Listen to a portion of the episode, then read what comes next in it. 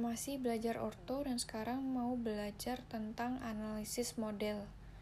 FYI, kalau model itu tingginya harus 55 mm. Pada pemeriksaan analis model, yang pertama dihitung diskrepansi. Diskrepansi itu adalah selisih antara tempat yang tersedia dan tempat yang dibutuhkan yang bertujuan untuk menentukan adanya kekurangan atau kelebihan tempat untuk gigi permanen erupsi.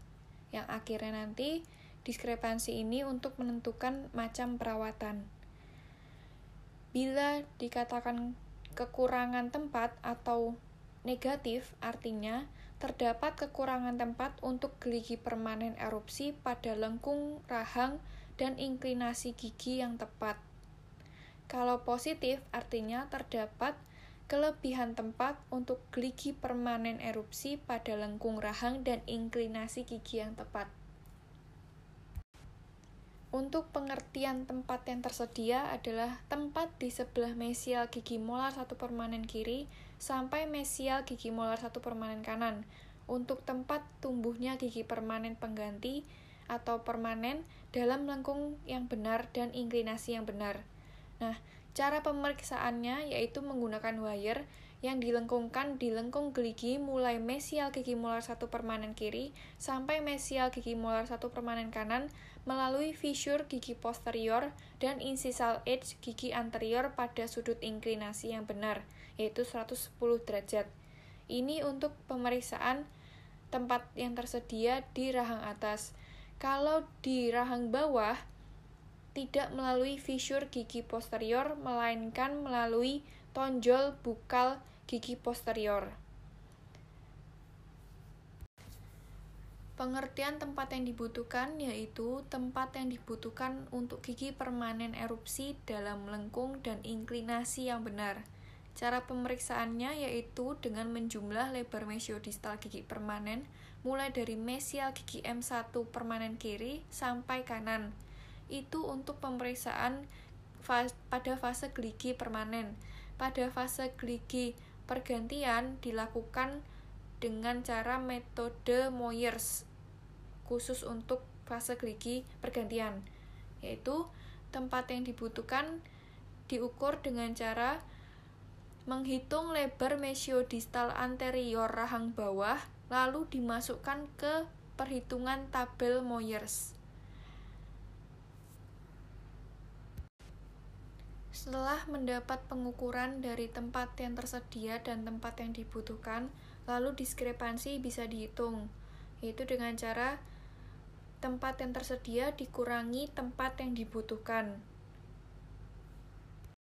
Seperti yang sudah dijelaskan sebelumnya, pengertian kekurangan tempat atau negatif Artinya, terdapat kekurangan tempat untuk geligi permanen erupsi pada lengkung rahang dan inklinasi gigi yang tepat.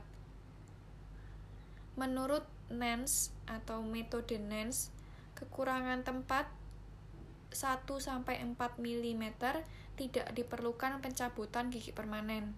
Bila 5-9 mm kadang masih tanpa pencabutan gigi permanen, tetapi sering kali dengan pencabutan gigi permanen dan apabila 10 mili atau lebih selalu dengan pencabutan gigi permanen.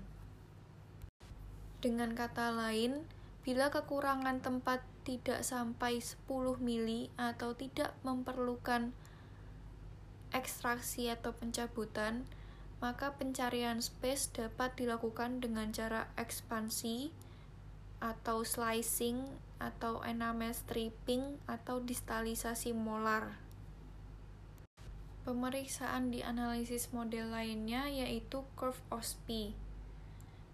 Curve OSPI ini didapat dari garis imajiner dari incisal edge gigi incisif 1 sampai molar 2 permanen rahang bawah.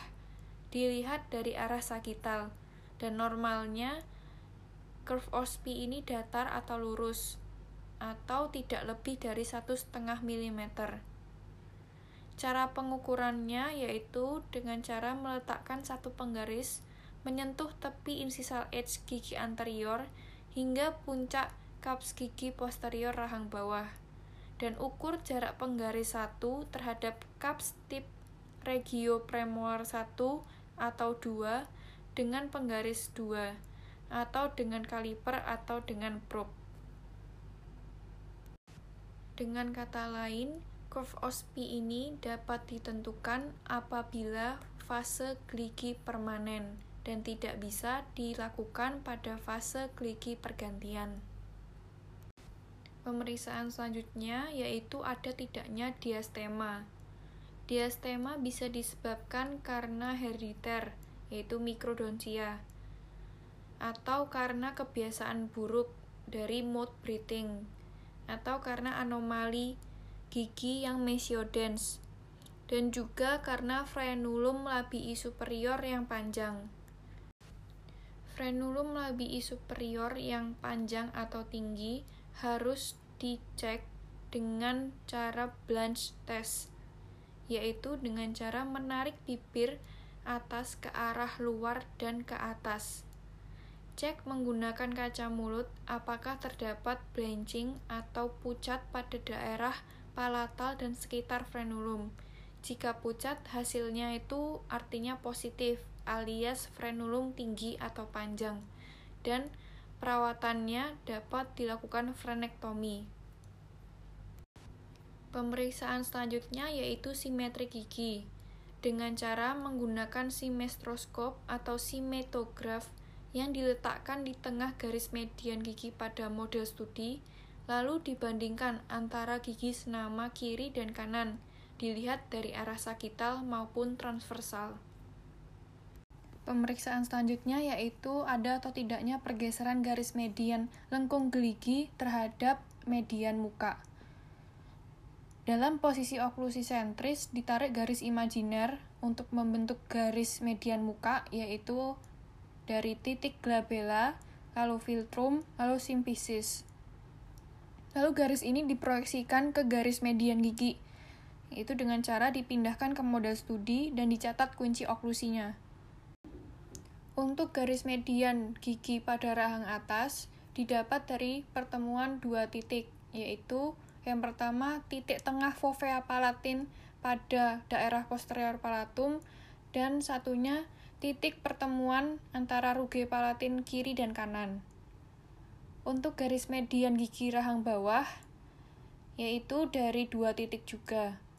Yang titik pertama pada perlekatan frenulum labial dan lingual dan yang melewati titik kontak insisif rahang bawah.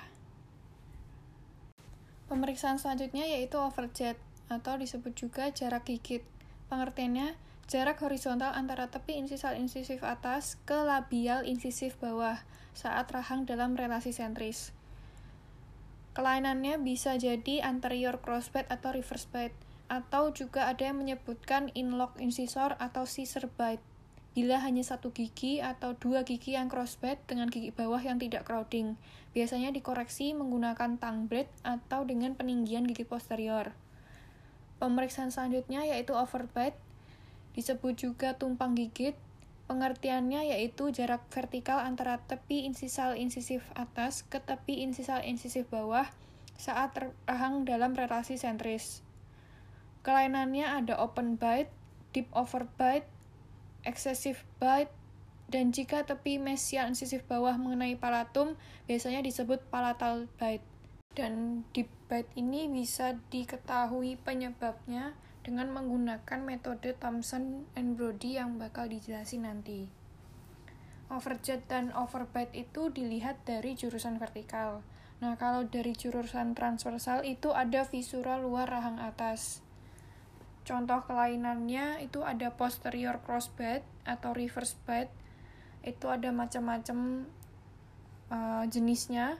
Ada buccal crossbite atau outer crossbite.